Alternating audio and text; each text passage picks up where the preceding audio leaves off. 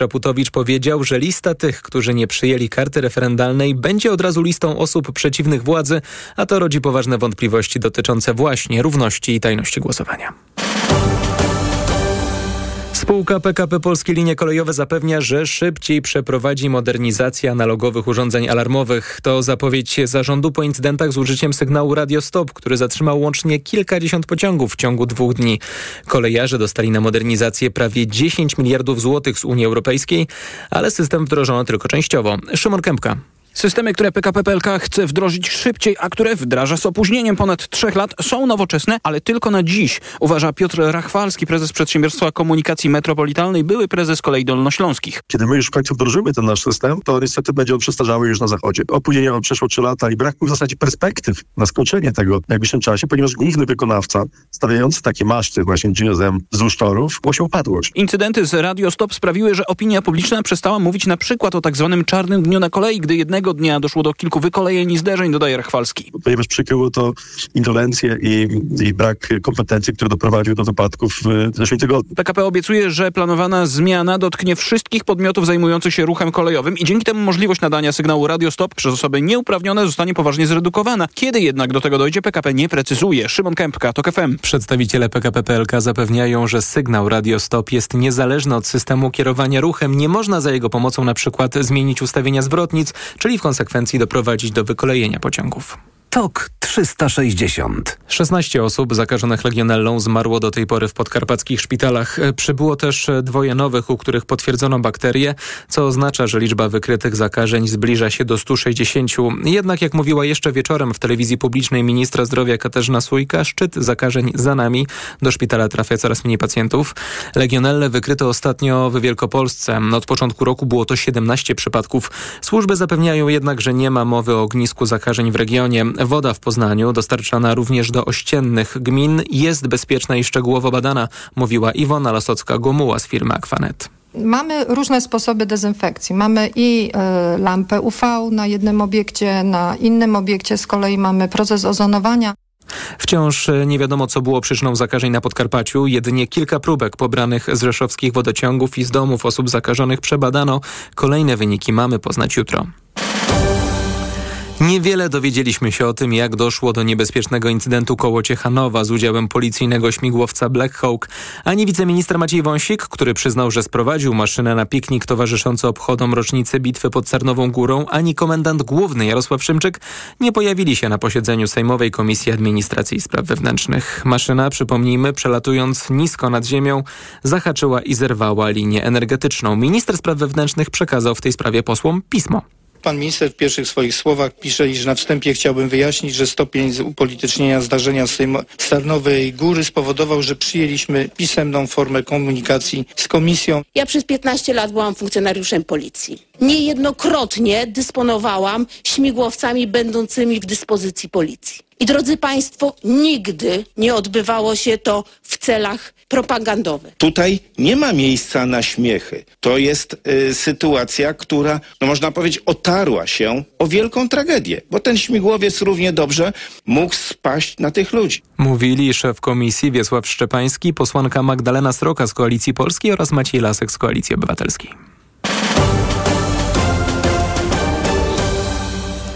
To był najsilniejszy atak rakietowy na Kijów od wiosny, mówią ukraińskie władze o wydarzeniach ostatniej nocy. W stronę miasta Rosjanie wystrzelili ponad 20 rakiet i dronów. Duża część z nich została zestrzelona przez obronę przeciwlotniczą. Spadające odłamki doprowadziły do śmierci co najmniej dwóch osób, kolejne dwie zostały ranne. Wybuchły pożary, mówiła w TOK FM Lesia Wakuliuk, dziennikarka ukraińskiej telewizji Espresso. Mnóstwo wybitych okien, zniszczone jakieś części domów, ale powiem tam nie, nie tylko w, w Kijowie, spadli te części, ale również w obwodzie kijowskim i też tam są zniszczenia, są pożary w domach prywatnych. Także to był atak nie tylko na Kijów, chociaż na Kijów najwięcej rakiet leciało, na, na całą Ukrainą w tej nocy było 44 rakiet i 43 z nich zniszczono. Niestety jedna trafiła, uderzyła do obiektu infrastruktury krytycznej w obwodzie żytomierskim.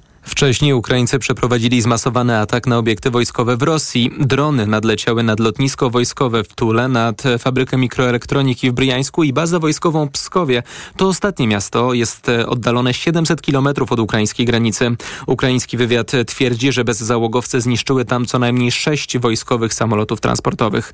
Psków do tej pory uznawany był za dobrze chronione miasto. Stacjonowują tam elitarne jednostki wojskowe, które brały udział także w ataku na Kijów w początkowym etapie wojny na pełną skalę.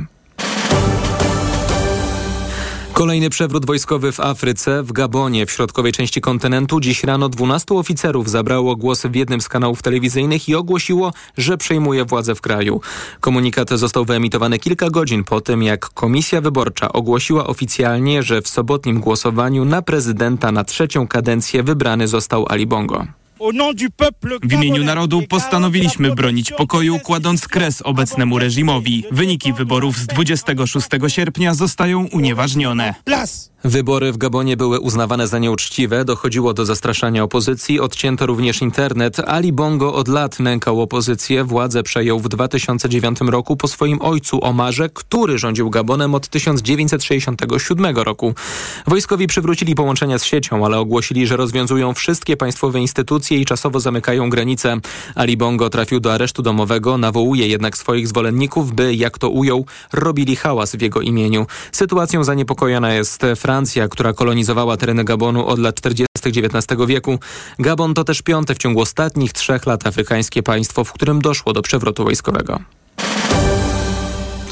30 sierpnia to Międzynarodowy Dzień Osób Zaginionych. Obchody tego dnia trwały m.in. w Chile. W tym roku mija też 50 lat od puczu wojskowego i obalenia lewicowego prezydenta Salvadora Allende. Puczem kierował Augusto Pinochet, który na 13 kolejnych lat zamienił państwo w dyktaturę.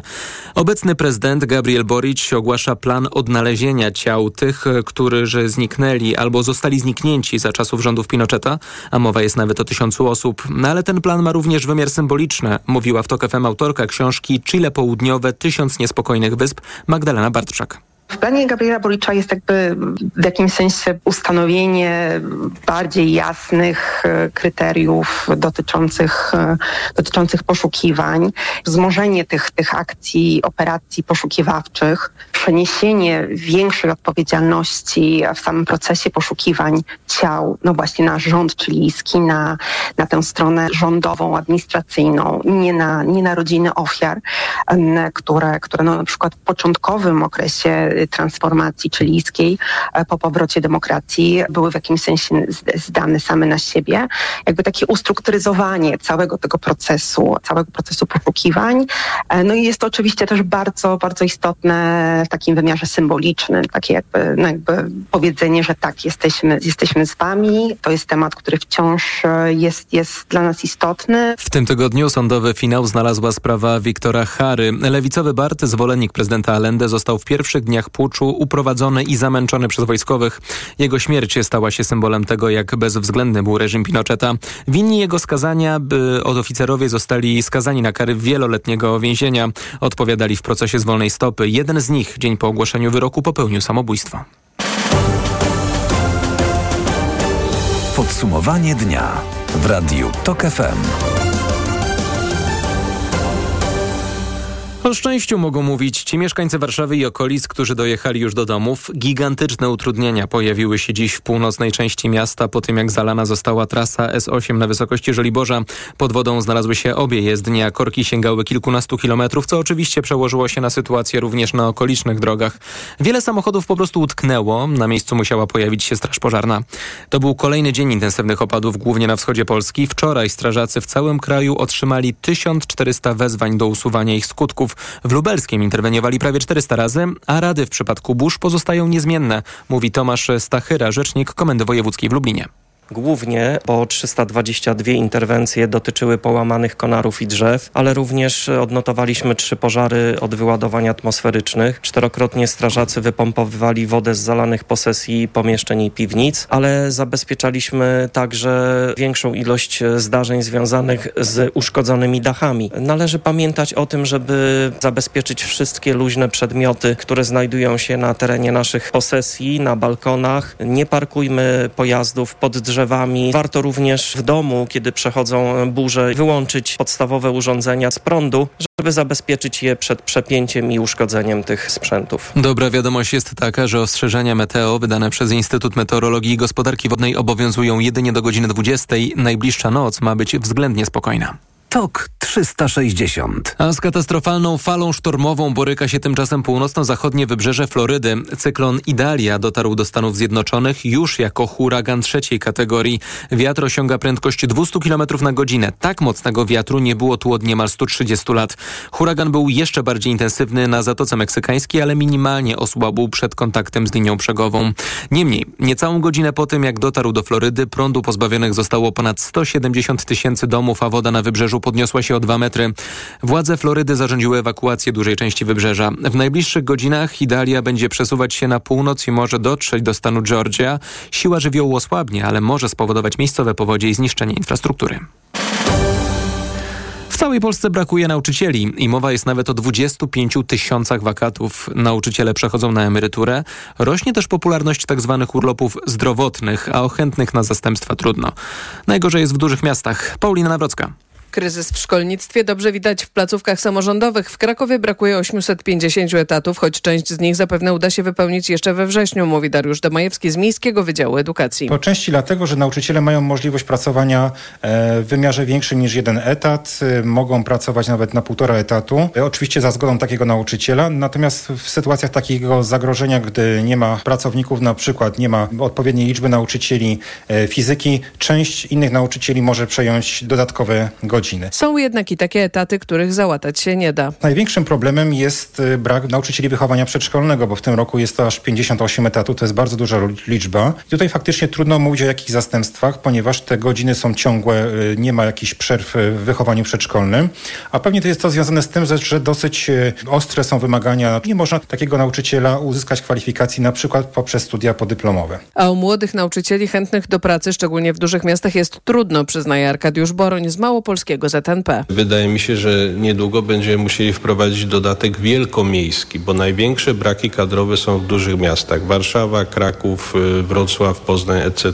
To jest rzecz naturalna. To jest rynek pracy, to są proste sprawy ekonomii. Czyli jeżeli chcemy mieć wysokiej klasy usługi publiczne, to powinniśmy też zapłacić godziwe pieniądze. Jeżeli będziemy płacili marne pieniądze, będziemy mieli marne usługi publiczne i mało tego, będziemy mieli y, postępującą prywatyzację. Ekonomii się nie oszuka. No, brakuje na przykład nauczycieli stolarstwa, elektroniki, nauczycieli prowadzących zawody informatyczne, bazy danych. Ich liczba na rynku jest dosyć niewielka i warunki zatrudnienia w porównaniu z zawodową aktywnością są dosyć niekorzystne. Z roku na rok rośnie też liczba nauczycieli, za których trzeba szukać zastępstw, bo korzystają z rocznej przerwy w pracy, czyli tzw. Tak urlopów dla poratowania zdrowia. Nie dziwmy się temu. Jeżeli mamy średnią wieku nauczycieli w Polsce blisko 50 lat, takich y, sytuacji sytuacji będzie coraz więcej. Wynika to z wieku, bo mamy starzejącą się kadrę i wynika to z przepracowania. Jeżeli komuś się wydaje, że dzisiaj nauczyciel po 18 czy 20 godzinach e, pracy dydaktycznej idzie do domu,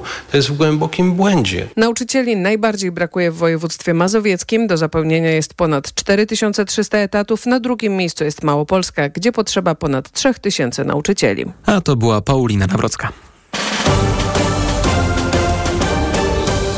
TOK 360. Rozpoczyna się 80. Międzynarodowy Festiwal Filmowy w Wenecji. O główną nagrodę, czyli Złotego Lwa, powalczą na Lido dwa polskie filmy Kobieta z Małgorzaty Szumowskiej i Michała Englerta oraz zainspirowane wydarzeniami na granicy polsko-białoruskiej Zielona Granica Agnieszki Holland, która w TOK FM mówiła, że chciała zwrócić uwagę przede wszystkim na los osób, które podejmują ogromne ryzyko i ruszają do Europy przez pół świata. Jeżeli będziemy patrzeć na to z perspektywy tylko geopolitycznej, to zaplączemy się w taką spiralę bezradności i okrucieństwa. Dlatego, że są dwie różne sprawy. Jedną sprawą jest um, sytuacja um, ludzi z Bliskiego Wschodu, z um, Afryki, którzy y, znaleźli się wskutek sytuacji politycznej, wskutek różnych wojen, katastrofy klimatycznej przede wszystkim, które z kolei, która z kolei prowokuje kolejne kolejne wojny, y, znaleźli się w sytuacji, w której po prostu nie mogą żyć. Nie mogą żyć,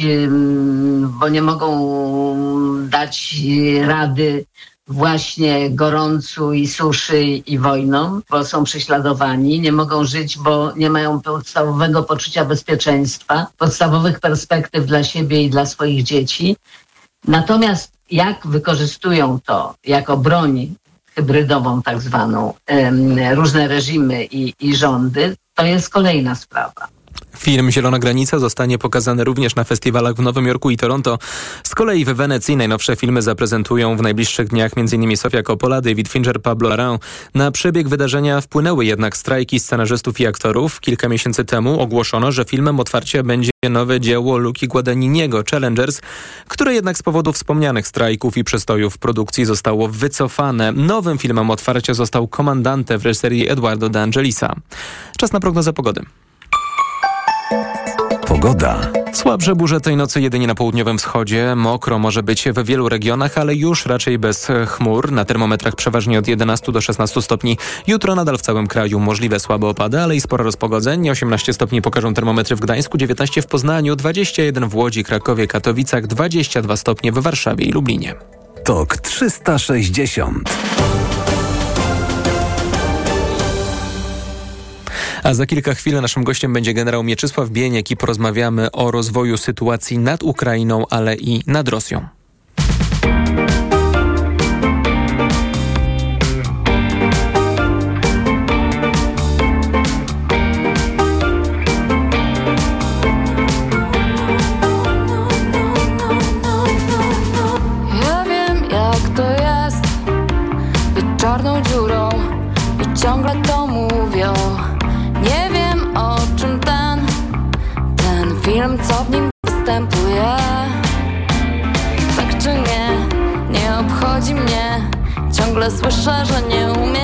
Coś robię źle. Nie zależy mi, mam głęboko i Nie chcę w lustrze patrzeć w zakreślone eski w oczach. Ja wiem jak to jest. Być kradł chmurą, bo ciągle coś trują. Nie wiem czemu też. Czasem jestem genialna, a potem banalna. Tak czy nie, nie obchodzi mnie. Ciągle słyszę, że nie że coś robię źle. Nie zależy mi, mam głęboko i Nie chcę w lustrze patrzeć w zakreślone eski w oczach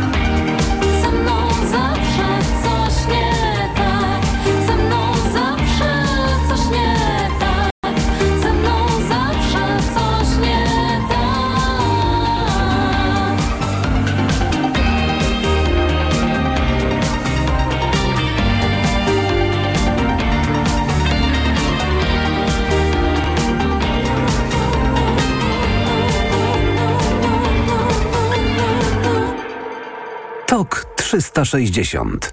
Generał Mieczysław Bieniek, generał w stanie spoczynku, były zastępca dowódcy strategicznego NATO jest z nami. Dzień dobry panie generale. Dzień dobry panu, dzień dobry państwu. To był najmocniejszy, najbardziej intensywny atak na Kijów od wiosny. Tak o wydarzeniach ostatniej nocy mówi administracja miasta. W sumie w stronę ukraińskiej stolicy poleciało ponad 20 rakiet i dronów. Wszystkie zostały zestrzelone przez obronę przeciwlotniczą, no ale jednak spadające szczątki spowodowały zniszczenia i pożary. Nie żyją dwie osoby, są też ranni. Skąd taka intensywność rosyjskiego ostrzału właśnie teraz? To zapewne jest odpowiedź na udany atak Ukrainy na lotnisko w Pskowie i na inne e, obiekty, które wcześniej Ukraina raziła również e, dosyć celnie swoimi dronami.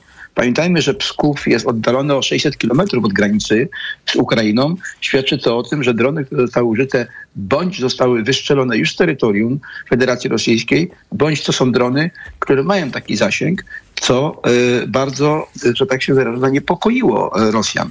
Tym bardziej, że drony były dosyć skuteczne, y, bo z informacji dostępnych wiemy, że cztery samoloty transportowe IU-76 na tym lotnisku zostały kompletnie uszkodzone. To są samoloty transportowe.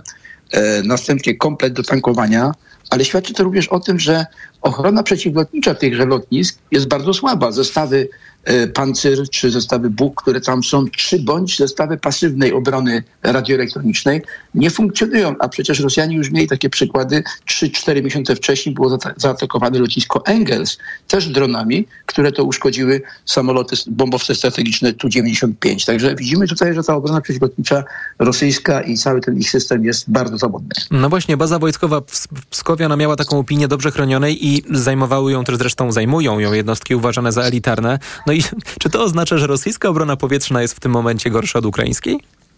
No, wychodzi na to, że oni nie sprawdzili się, oni się w ogóle nie, nie, nie, czuli zagrożenia jakiegokolwiek. No jeśli Moskwa, która rzekomo miała być najlepiej chronioną stolicą, ja rozumiem, że, że nie można strzelać z armat do wróbli, że nie używa się systemu S-400 Triumph czy rakiet średniego zasięgu, ale systemy typu Panzer, typu Buk, typu e, e, sposoby zagłu- zagłuszania radioelektrycznego powinny funkcjonować, aby ten system był w miarę skuteczny.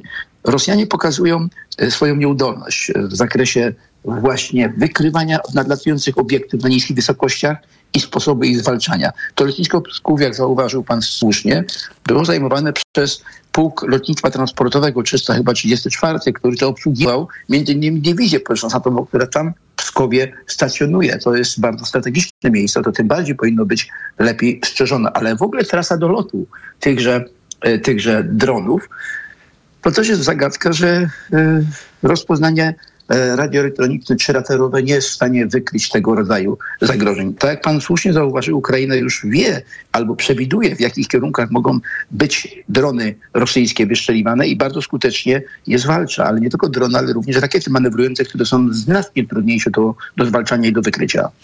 Ale jaki jest ostateczny cel y, tych ataków dronami Rosji? No bo wojny w ten sposób się nie wygra. Podobnie jak Rosjanie, jak się okazuje, nie wygrają wojny ostrzeliwując cele cywilne. Co tutaj, zapewne Kijów, choć oficjalnie do większości tych ataków Kijów się nie przyznaje, co tutaj Kijów chce osiągnąć?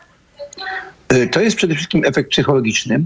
Y, To jest pokazanie, że y, Rosjanie nie mogą się czuć bezpiecznie, a szczególnie w rejonach obiektów wojskowych, bo w przeciwieństwie do Rosjan Ukraińcy atakują obiekty wojskowe o znaczeniu militarnym. Lotniska, bazy, stacje paliwowe, a Rosjanie atakują cele cywilne i infrastrukturę energetyczną, czy infrastrukturę, która służy do za, zabezpieczenia potrzeb cywilnych. I obawiam się, że ten okres jesienny, który się zbliża, jesienno-zimowy, Rosjanie przygotowują również e, niestety e, uderzenia rakietami i to manewrującymi i innymi na obiekty infrastruktury cywilnej, która zapewnia bezpieczeństwo i środki do życia dla społeczeństwa ukraińskiego. A Ukraińcy chcą pokazać, że my nie damy się zastraszyć, natomiast my mamy środki i możliwości, aby was uderzyć tak, żeby was zabolało i troszeczkę was również wystraszyć.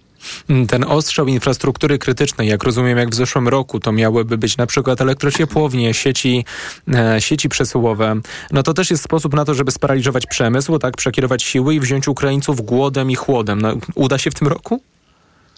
Y, Ukraina wyciągnęła wnioski z ubiegłego roku i z pomocą Zachodu bardzo intensywną i z pomocą brygad remontowo-naprawczych, bo to również są cisi, cisi bohaterowie tej wojny, o tym się mało mówi. Przecież oni te bloki energetyczne naprawiali niemalże z marszu, tak samo jak cichym bohaterem tej wojny, albo już głośnym bohaterem jest obrona przeciwlotnicza, która y, y, ukraińska, która jest w stanie zintegrować wszystkie systemy i stacje radarowe, i nowe wyrzutnie, i stare wyrzutnie, i systemy pozradzieckie, i systemy nowoczesne, patrioty, nasmasy, prawda, y, i systemy krótkiego zasięgu, jak gepardy, jak buki, które bardzo skutecznie również zwalczają te środki. Przecież Rosja nie ma.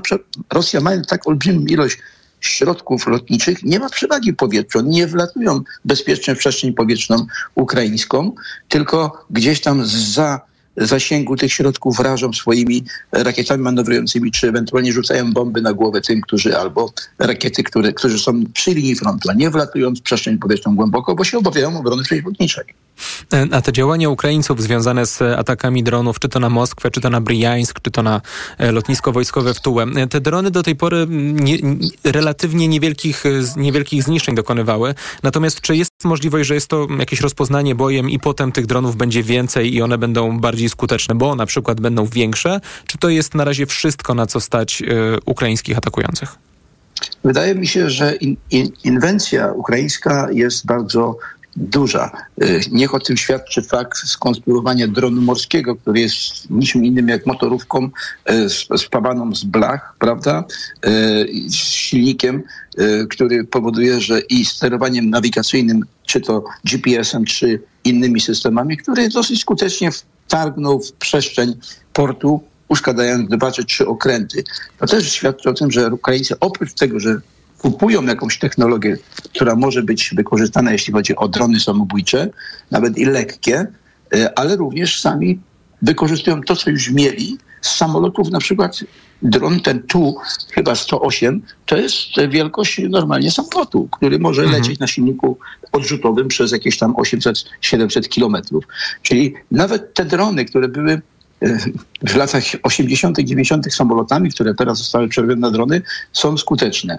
A najbardziej kuriozalnym e, rzeczą jest to, że e, Ukraińcy użyli tak zwanych dronów PPDS, to jest tak zwany Precision Payload Delivery System, który służył do, za, do zaopatrywania na przykład mm -hmm. wojsk walczących w lekarstwa, w lekkie tam środki. On może przenosić do 5 kg ładunku na 120 km silnikiem elektrycznym. Oni nawet takie drony wykorzystywali, które są obudowane kartonami nasyconymi woskiem, trudne do przechwycenia, jeśli chodzi o obronę przeciwlotniczą i radarową, prawda? I nawet takie drony potrafili, potrafili wykorzystać. I to też wystarczyło, żeby spowodować zamieszanie tak naprawdę, tak Zamieszanie, tak, bo może niewielkie jakieś tam straty, bo one tylko mogą przenosić 5 kg ładunku, ale pamiętajmy o tym, że 5 kg wysoko eksplozywnego ładunku wybuchowego celnie uderzonego może zniszczyć bardzo i może wywołać bardzo dużo zniszczenia. No ale tam nie było jakichś tam celnych że, uderzeń, ale było to, był efekt zastraszania. Może będą. E, bardzo dziękuję. Mieczysław Bieniek, generał w stanie spoczynku, były zastępca dowódcy strategicznego NATO był z nami. Reklama. RTV Euro AGD. Uwaga! Teraz więcej kupujesz, więcej zyskujesz. Kup jeden produkt i zyskaj rabat lub dobierz kolejny i zyskaj jeszcze większy rabat. Rabaty nawet do 6 tysięcy złotych. Wartość rabatu zależna od wartości koszyka. Minimalna wartość zakupów to 1550 zł. Sprawdź progi zakupów i odpowiadające im wartości rabatu. Promocja na wybrane produkty. Szczegóły w regulaminie w sklepach i na euro.com.pl. Tyle teraz słychać o wszawicy. Co robić? Zuzia też złapała, ale kupiłam w aptece sprawdzony lek. Sora Forte. Sora Forte? Tak, to jedyny taki szampon leczniczy. Jest łatwy w użyciu i już po 10 minutach zwalcza wszy. Sora Forte. Ekspresowy lek na wszawicę. Sora Forte. Permetriną 10 mg na mililitr. Wszawica głowowa u osób w wieku powyżej 3 lat. Przeciwwskazania na wrażliwość na którąkolwiek substancję. Inne piretroidy, pyretryny. Aflofarm. Przed użyciem zapoznaj się z treścią lotki dołączonej do opakowania, bądź skonsultuj się z lekarzem lub farmaceutą, gdyż każdy lek niewłaściwie stosowany zagraża Twojemu życiu lub zdrowiu.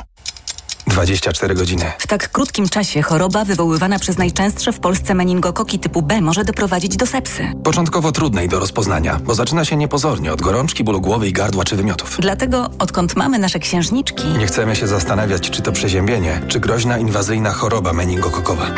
Nie ryzykuj. Zapytaj pediatrę o szczepienie przeciwko meningokokom typu B. Dowiedz się więcej na wyprzedźmeningokoki.pl. Materiał powstał w ramach kampanii Wyprzeć meningokoki organizowanej przez firmę GSK. Nie zastępują konsultacji z lekarzem. Reklama.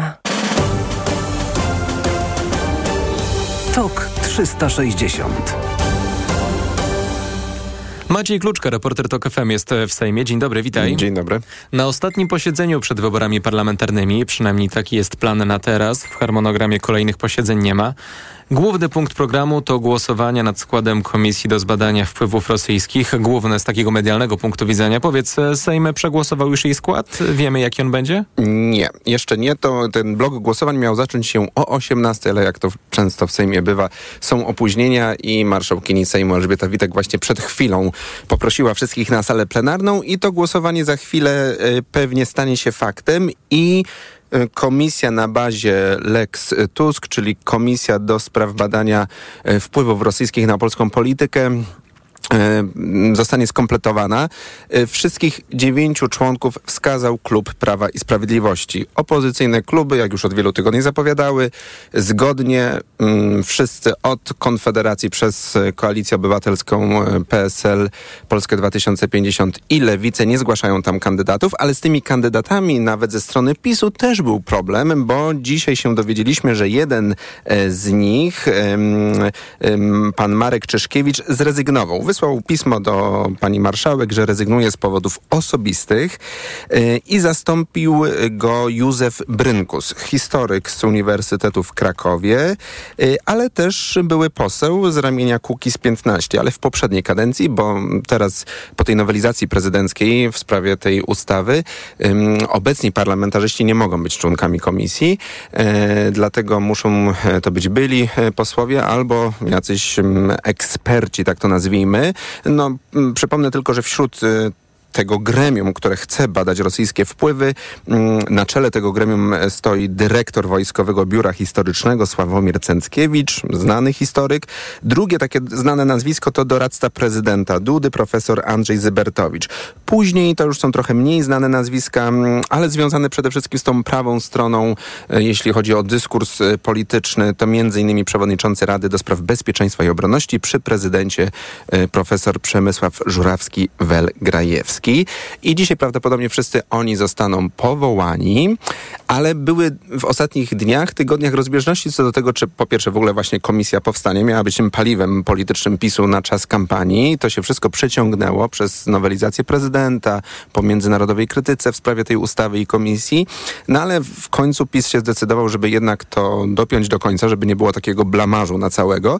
No ale też teraz posłowie PiSu często różnie mówili w mediach. Wczoraj słyszałem Krzysztofa Smolińskiego w TVN 24, który mówił, że nie, to raczej już w, przyszłym, w przyszłej kadencji, zadanie dla nowego Sejmu. No ale co innego mówi zainteresowany tropieniem rosyjskich wpływów w Polsce poseł PiSu Antoni Macierewicz, którego o to właśnie zapytałem. Panie pośle, kiedy Komisja do Spraw Rosyjskich Wpływów zacznie badać rosyjskie wpływy w polskiej polityce? No przecież to jest oczywiste. No właśnie nie, bo niektórzy mówią posłowie PiSu, że w nowej kadencji Sejmu, niektórzy, że jeszcze teraz. Mam wrażenie, że to są jakieś państwa interpretacje.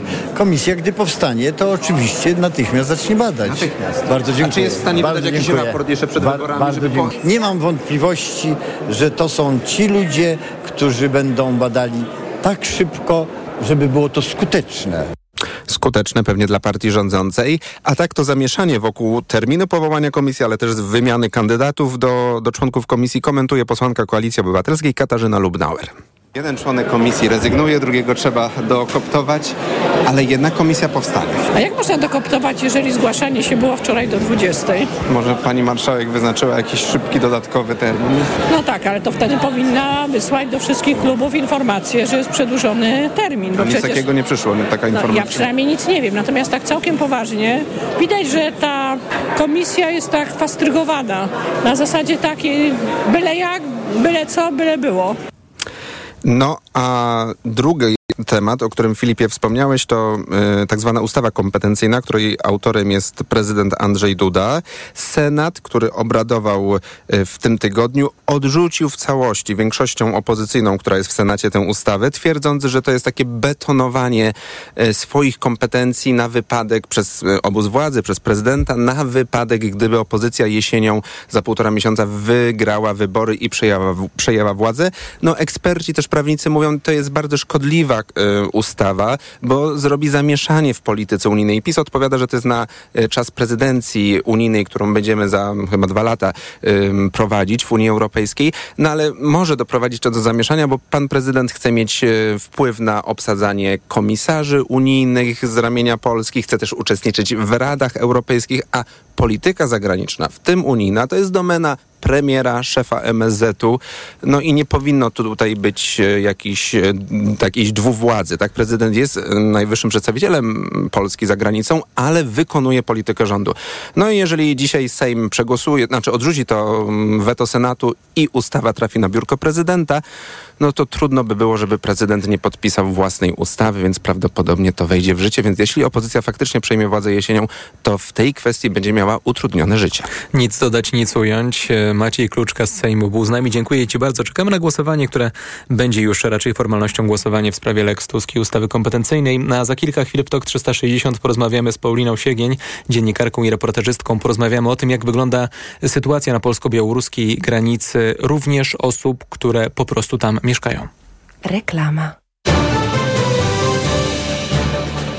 Wiadomość z ostatniej chwili. W salonach Toyoty ruszyła właśnie sezonowa wyprzedaż. Nowe auta dostaniesz na niej w niesamowitej ofercie. Na przykład stylową, oszczędną i bezpieczną Toyotę Yaris, która ma najnowsze multimedia i świetnie się prowadzi, możesz mieć z korzyścią do 6 tysięcy złotych. A do tego uwaga niemalże od ręki. Nie ma co czekać. Może cię ominąć niesamowita okazja.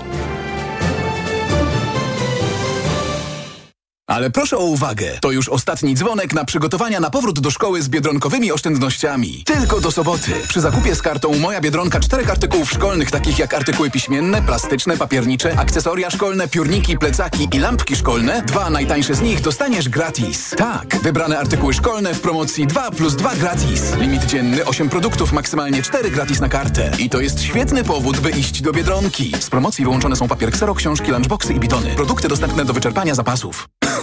Kaszel palacza? Ja? Adam, przecież już nie palę. Kaszel palacza pozostaje po rzuceniu palenia. Dlatego zastosuj Detusan. Ale ja już brałem coś na kaszel. Detusan działa inaczej. To specjalistyczny produkt, który powstrzymuje odruch kaszlu i chroni błonę śluzową podrażnioną przez papierosy. To prawda, teraz już nie kaszlę. Detusan. Uwolnij się od kaszlu palacza. To jest wyrób medyczny. Używaj go zgodnie z instrukcją używania lub etykietą. Łagodzenie kaszlu i chrypki, nawilżanie i ochrona błony śluzowej gardła Aflofarm. Ale nie szkodzi zdrowiu. W przypadku dolegliwości ze strony układu oddechowego zalecana jest diagnostyka w celu ustalenia przyczyn.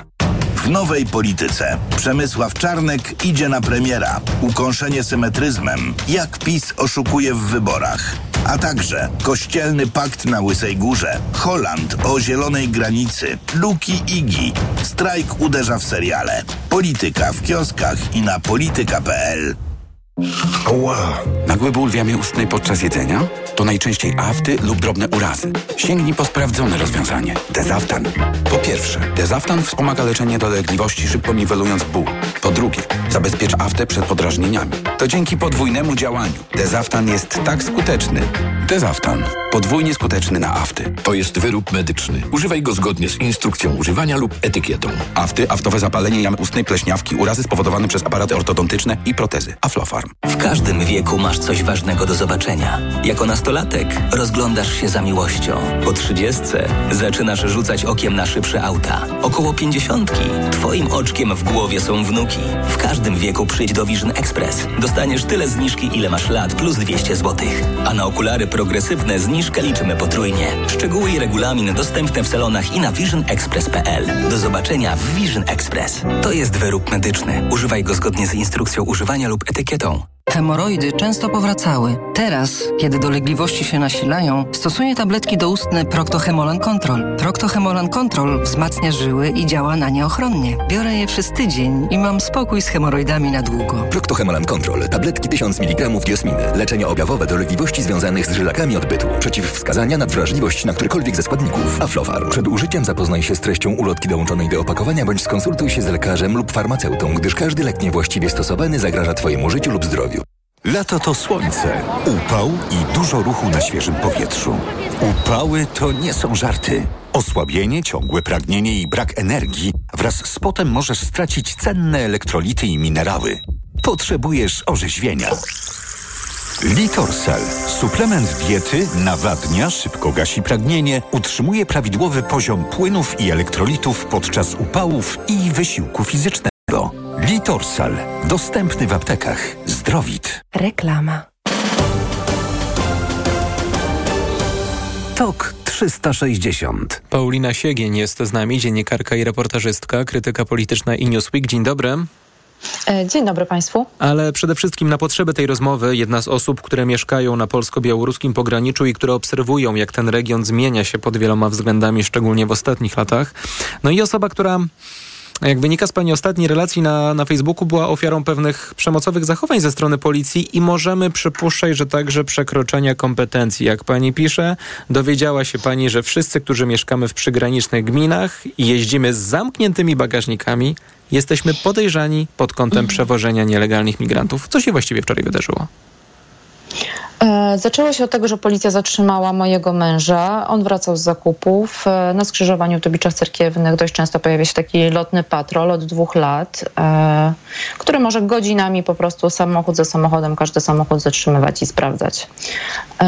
Mój mąż odmówił pokazania bagażnika, pokazał wszystko, co trzeba, wylegitymował się, znaczy sprawdzono jego dane, pokazał, że ma obowiązkowe wyposażenie auta i mimo to nie chciano go puścić. I on zadzwonił do mnie zdenerwowany, e, kiedy byłam w domu, że mu powiedzieli policjanci, że będzie tam z nimi do siódmej rano w takim razie, skoro nie chce otworzyć bagażnika.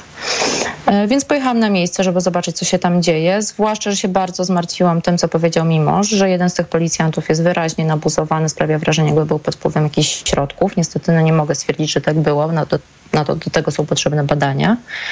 E, no i to, że powiedział, że oni są z Wrocławia. Niestety mhm. wrocławska policja ma bardzo, mm, no, ma czarną kartę po prostu, bo przy zatrzymaniach przez wrocławską policję umierają ludzie, takie są fakty.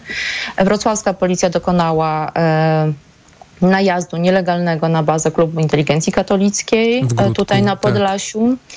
E, niedawno też e, wrocławska policja goniła moją znajomą, która wracała wieczorem z dziećmi od swoich przyjaciół.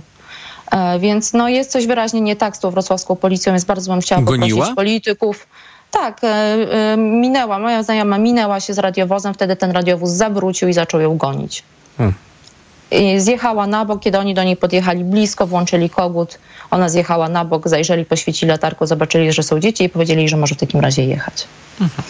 tak to wygląda na Podlasiu, to tak wygląda od dwóch lat, więc ja to już opowiadam bez większych emocji, ale bardzo bym chciała poprosić polityków, e, no chyba opozycji przede wszystkim, bo nie bardzo wierzę w polityków rządu, e, którzy to wszystko jakby tak naprawdę wydają te rozkazy i kryją takie zachowania służb mundurowych, przemocowe e, żeby sprawdzili po pierwsze, co się dzieje we Wrocławiu, że coś jest ewidentnie nie tak z tamtejszą komendą, I, I, że ci policjanci są no, tacy niezbyt przyjemni, niezbyt jakby, bo sieją poczucie zagrożenia e, zamiast raczej chronić obywateli. No i też bardzo byłoby fajnie, gdyby jacyś politycy opozycji, na przykład przed wyborami, się zainteresowali tym, jak wygląda codzienne życie e, ludzi tutaj przy granicy z Białorusią, bo nasze prawa obywatelskie są łamane bez przerwy od dwóch lat. A skąd właściwie wrocławska policja wzięła się w tym regionie? No może Państwo nie wiedzą, ale tutaj od dwóch lat w bardzo dużej ilości są rotowane y, służby mundurowe, to znaczy są kolejne zmiany różnych kontyngentów wojskowych. To tutaj się przewinęło kilkanaście, jeśli nie kilkadziesiąt tysięcy żołnierzy i podobnie się dzieje z policją. Tutaj przyjeżdża policja z całej Polski, to są dla nas zupełnie obcy ludzie. Ci ludzie nas nie znają, y, ci ludzie w ogóle nie reagują na to, że my jesteśmy tutaj mieszkańcami tego terenu. Oni nas wypytują, nie mając do tego żadnych podstaw prawnych, dokąd jedziemy i po co jedziemy. E, no i wczoraj się dowiedziałam, tak, zresztą nie po raz pierwszy, ja już mam kilka takich nagrań, e, rozmów z policjantami podczas kontroli, że z samego faktu, że tutaj mieszkamy w przygranicznych gminach, jesteśmy podejrzani. Policjanci wylegitymowali się? E, kiedy ja dotarłam na miejsce, nie chcieli się przedstawić, bo twierdzili, że nie prowadzą interwencji wobec mnie, tylko wobec męża, a że wcześniej się przedstawili. No niestety mój mąż nie, nie był w stanie spamiętać, mhm. nie był w stanie spamiętać ich imion, nazwisk. Ostatecznie przedstawiło się dwóch żeby było śmiesznie tych, którzy powiedzmy zachowywali się bardziej profesjonalnie. Ten, który zachował się przemocowy, który mnie popychał, który cały czas mówił o użyciu środków przymusu bezpośredniego, który nie pozwalał się mojemu mężowi ruszyć, bo mówił, że on ma obowiązek stać tylko w jednym miejscu, tak jak on mu każe i że ma obowiązek wykonywać jego polecenia, który cały czas chodził poddenerwowany i kazał nam wyjmować ręce z kieszeni, e, ten się nie chciał przedstawić. Chociaż cały czas chodził i mówił, że się niczego nie boi. No mam wrażenie, że tak często to powtarzał właśnie dlatego, że się chyba czegoś bardzo bał ale nie był na tyle odważny, nie miał odwagi cywilnej, żeby się przedstawić. Jeśli chodzi o kwestie formalne w tej całej sytuacji, one też nie zostały dopełnione, jeśli chodzi o protokół sprawdzenia tego bagażnika. No myśmy dostali protokół, mimo że y, na pytanie, jaka, jaka jest przyczyna w ogóle chęci policji y, sprawdzenia bagażnika, bo muszą Państwo wiedzieć, że policja ma prawo sprawdzić Mhm. zawartość bagażnika, natomiast w sytuacji, kiedy istnieje uzasadnione podejrzenie, że przewozi się tam y, przedmioty zabronione, na przykład broń albo narkotyki. Więc kiedy prosiliśmy o powiedzenie, co, co takiego się wydarzyło, że mój mąż, który wracał sobie z zakupów w Biedronce jest raptem podejrzany, jad, jadąc do granicy, a nie od granicy, o to, że przewozi ludzi w bagażniku. Oni właśnie twierdzili, że bo to jest rejon zagrożenia, bo, bo, bo tu są nielegalni imigranci. E, więc ja, jakby ja pytałam, no dobrze, ale czy pan sądzi, że więcej osób, które nielegalnie przebywają na terytorium Polski jest, nie wiem, we Wrocławiu, w Warszawie czy w gminie Dubicze Cerkiewne? No nie byli w stanie mi odpowiedzieć na to pytanie. E, no okazało się, że tak, że czekaliśmy bardzo długo. Policjanci nie mają ze sobą takich jednostronnych dokumentów. Jest to jakiś problem systemowy, ponieważ jeszcze ani razu nie słyszałam, żeby oni nie mieli przy sobie w podobnych sytuacjach, ani w, w naszym własnym przypadku, ani ludzi, których znamy. Zawsze trzeba czekać, aż ten dokument zostanie dowieziony. Uważam, że jest to jedna z takich form szykanowania czasem, Mhm. dlatego że to jest takie albo otwierasz bagażnik, albo właśnie będziemy tutaj stać Gram godzinami. na przytrzymanie, jasne. Tak, zanim ktoś przywiezie. No i rzeczywiście dzieje się tak, że ktoś to przywiózł. Yy, I działo się to mniej więcej w tym samym momencie, kiedy ten policjant z Wrocławia zaczął mnie popychać, twierdząc, że on ma prawo usunąć mnie z miejsca interwencji, yy, skoro nie chce sama odejść. A interwencja na tamtym etapie polegała na czekaniu właśnie na to, że ktoś przywiezie kartkę. I ja w żaden sposób tutaj nie zakłócałam czynności policji, bo one polegały na bezczynnym staniu i czekaniu, aż ktoś przywiezie kartkę. No i się okazało, że kartka jest tylko jedna, więc nie ma możliwości sporządzenia kopii oryginału. Czyli nie Kartkę wiadomo, dostaliśmy- państwo mają oryginał, który jest no kopią. na to, że my mamy oryginał, a kopia nie istnieje, albo oryginał nie istnieje, my mamy kopię. Ja tutaj przeczytam Państwu dosłownie, jak to jest sformułowane, bo byliśmy podejrzani o przewożenie ludzi w bagażniku, a to, co ja czytam na tym protokole, brzmi tak. W wyniku przeprowadzonej czynności nie znaleziono następujące przedmioty, tak jest napisane, nie ujawniono. Więc ja tak naprawdę nie wiem, co się wydarzyło. Spytam o to prokuraturę. E, Na pewno e, też zgłoszę to do Rzecznika Praw Obywatelskich i bardzo bym chciała, żeby w końcu e, politycy przestali chować głowę w piasek w sprawie tego, co dzieje się na Podlasiu przy granicy z Białorusią i w końcu zaczęli reagować na to bezprawie, które tu panuje. Bardzo dziękuję. Paulina Siegień, dziennikarka i reporterzystka, krytyka polityka, polityczna i Newsweek była z nami, a za kilka chwil porozmawiamy o tym, jak wygląda sytuacja w Gabonie, gdzie kilkanaście godzin temu doszło do przewrotu wojskowego.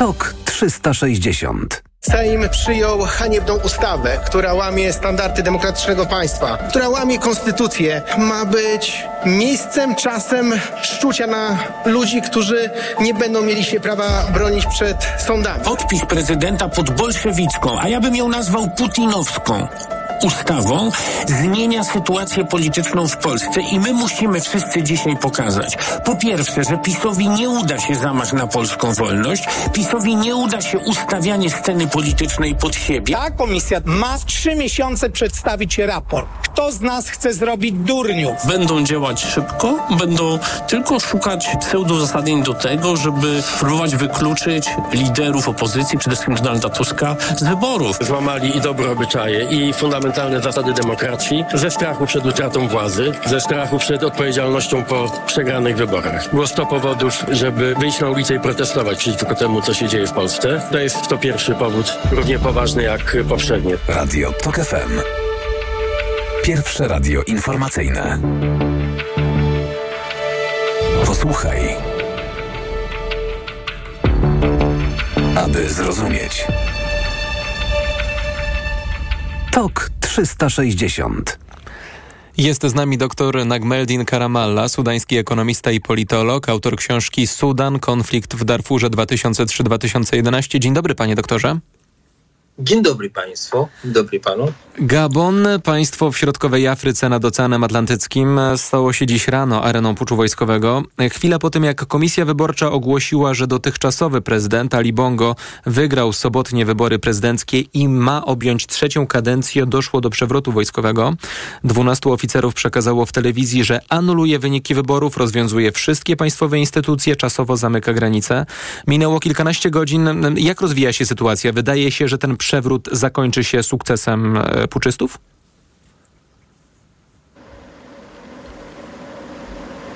Halo? Tak, tak, jestem. Mm, czy wydaje się, że ten przewrót po kilkunastu godzinach zakończy się sukcesem wojskowych? Ja myślę, że tak.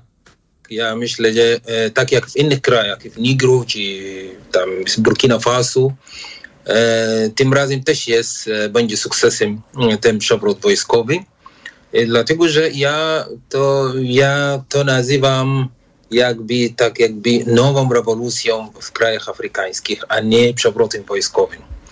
I to może mm, z różnych e, powodów, że świat się zmienił, różnych przyczyn, które spowodowały, że jest e, w taki mamy taki ruch e, wojskowych e, w Afryce e, i między innymi wojna w Ukrainie, między innymi zmiana klimatu, między innymi e, w ogóle jest zmiana geopolityczna na świecie. To może spowodować, że jest dużo, dużo się zmieni, a także w Afryce może bardzo dużo się zmienić. Mm, Jakie argumenty w przypadku Gabonu ma armia? To znaczy, czy e, biorąc pod uwagę te zmiany, o których pan doktor mówi, mm, wojsko ma e, poparcie obywateli? To znaczy bardzo dużo. Po prostu od uzyskania niepodległości w 1960 roku e, Gabon, który był od 1000 1910 z kolonią francuską, e, rządziła jedną rodziną. To znaczy e, najpierw było pierwszy prezydent Lumbi, a później e, ojciec tego, te, tego e, obecnego prezydenta, który został dzisiaj jest opalony. E, Jego ojciec rządził w Gabonie 42 lata. E, A później po nim jest jego syn, tutaj jest Ali Gambo, no najpierw Omar Gambo, a później jest, jego syn Ali Gambo, który jest rządził i chce przedłużyć kadencję jeszcze dla trzecią kadencję i opozycja po prostu nie uznaje wyników tych wyborów. E, również jest, te wybory odbywały się bez obserwatorów, obserwatorów za, zagranicznych i tak dalej. Tak więc e, wszyscy w kraju widzą, że te, te wybory były sfałszowane na pewno. Młodych ludzi, e, większość mieszkańców e, Gabonu na pewno nie odpowiada im ta sytuacja przy wykorzystywaniu surowców naturalnych przez e, wielkie mocarstwo i w szczególności Francji przez wiele, wiele lat, które mm, wymykały oczy w tym, że ktoś rządził w tym kraju przez 42 lata. Tak więc te kraje, które były kolonie, nie mają żadnej legitymacji teraz, żeby interweniować albo krytykować jakikolwiek jaki rząd e, militarny w momencie, kiedy oni pobierali rząd, który albo pobierali prezydenta, który rządził 42 lata, a teraz jego syn chce jeszcze rządzić dalej, jeszcze z kolei chce przedłużyć tą kadencję nad częścią, fałszuje wybory i chce dalej rządzić. Tak więc tutaj jest, e, świat się zmienił. Zmienił się świat z różnych przyczyn. E, Tak jak wspominałem, że wojna w Ukrainie spowodowała, że nie jest tylko w Gabonie, ale w wielu krajach afrykańskich, że młodych ludzi e, w Afryce już zdawali sprawę, że świat jest inny. Są dwa standardy w traktowaniu krajów i w traktowaniu strojów rządzących w danym kraju. Tak więc oni muszą wziąć sprawę w rękach za pomocą wojska, czy sami oni mogą to zrobić. E, Z racji, że te młodych ludzi e, w krajach afrykańskich nie mają żadnych zapleczy czy pomoc z e, cywilizacji zachodniej albo krajów demokratycznych na zmian, faktycznych zmian demokratycznych, to oni nie mają nic innego niż pobierać rządy wojskowych i z nadzieją, że te rządy wojskowe będą dla nich jest bardzo dobre. To jest jedna. Druga, że też jest bardziej przychylny, żeby akceptować innych obcych, jak Rosja, jak Chiny, jak Indii, e, innych krajów, e, żeby po prostu z nimi współpracować bardziej z krajami zachodnimi. A jest nadzieja, że te rządy wojskowe rzeczywiście spełnią e, te nadzieje, które pokładają w nich młodzi ludzie, czy jest jeszcze za wcześnie, żeby o tym mówić? Za wcześnie, żeby to o tym mówić, natomiast ja to nazywam, jakby to jest mieszanie wojskowości z rewolucją w pewnym sensie. Yy, I być może z tych młodych wojskowych coś tam widzi, jakieś tam wybory, później jakieś tam e, pewnych jakieś dla e, dobrego, dla dobrego obywatela i tak dalej w tych krajach. Dlatego, że to jest fala bardzo dużo tych przewrotów wojskowych w różnych sąsiadujących krajów, który przewołaście te, który był kolonią francusskiej. Wspomniał Pan już dwa razy o, o, o, Francji. Francja też jest pierwszym krajem, który zareagował na, na sytuację w Gabonie i oficjalnie zabrała stanowisko premier Francji Elizabeth Born. No właśnie, jak bardzo istotna jest Gabon w tym momencie i jego surowce dla Francuzów? E, co ja wiem, że to jest bardzo ważne, dlatego że i nie tylko Gabon, Gabon, Niger, e, Burkina Faso i te wszystkie te kraje, dlatego że te, które są bogaci w ropach naftowych, w gazu, innych surowców, które są dla Francji, dla e, gospodarka francuska jest bardzo ważny.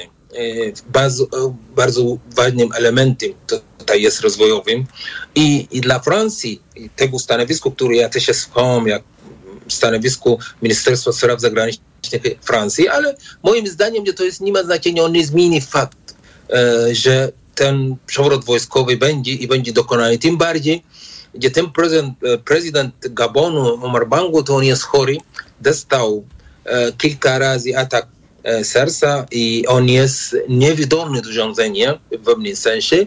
E, władza cały czas jest, koncentruje się około niego, jego o, osobą i tak dalej. Tym bardziej, że on jest syn dyktatora, który rządził 42 mhm. lata nie jest akceptowany przez społeczeństwo e, w Gabonie, zwłaszcza młodych pokolenia, które jest urodzili i żyli w rządzie tego e, jego ojca i również jego. Tak więc moim zdaniem, że tutaj jest nic nie będzie, się, nie będzie zmienione, nawet te kraje UAX, tutaj jest e, te, te kraje wschodniej Afryki, strefy ekonomicznej, oni nic nie mogą zrobić tutaj jest w tej, w tej, w tej materii, jest, tym bardziej w krajach biedniejszych jak Nigro. Prawdopodobnie nie będzie więc interwencji wojskowej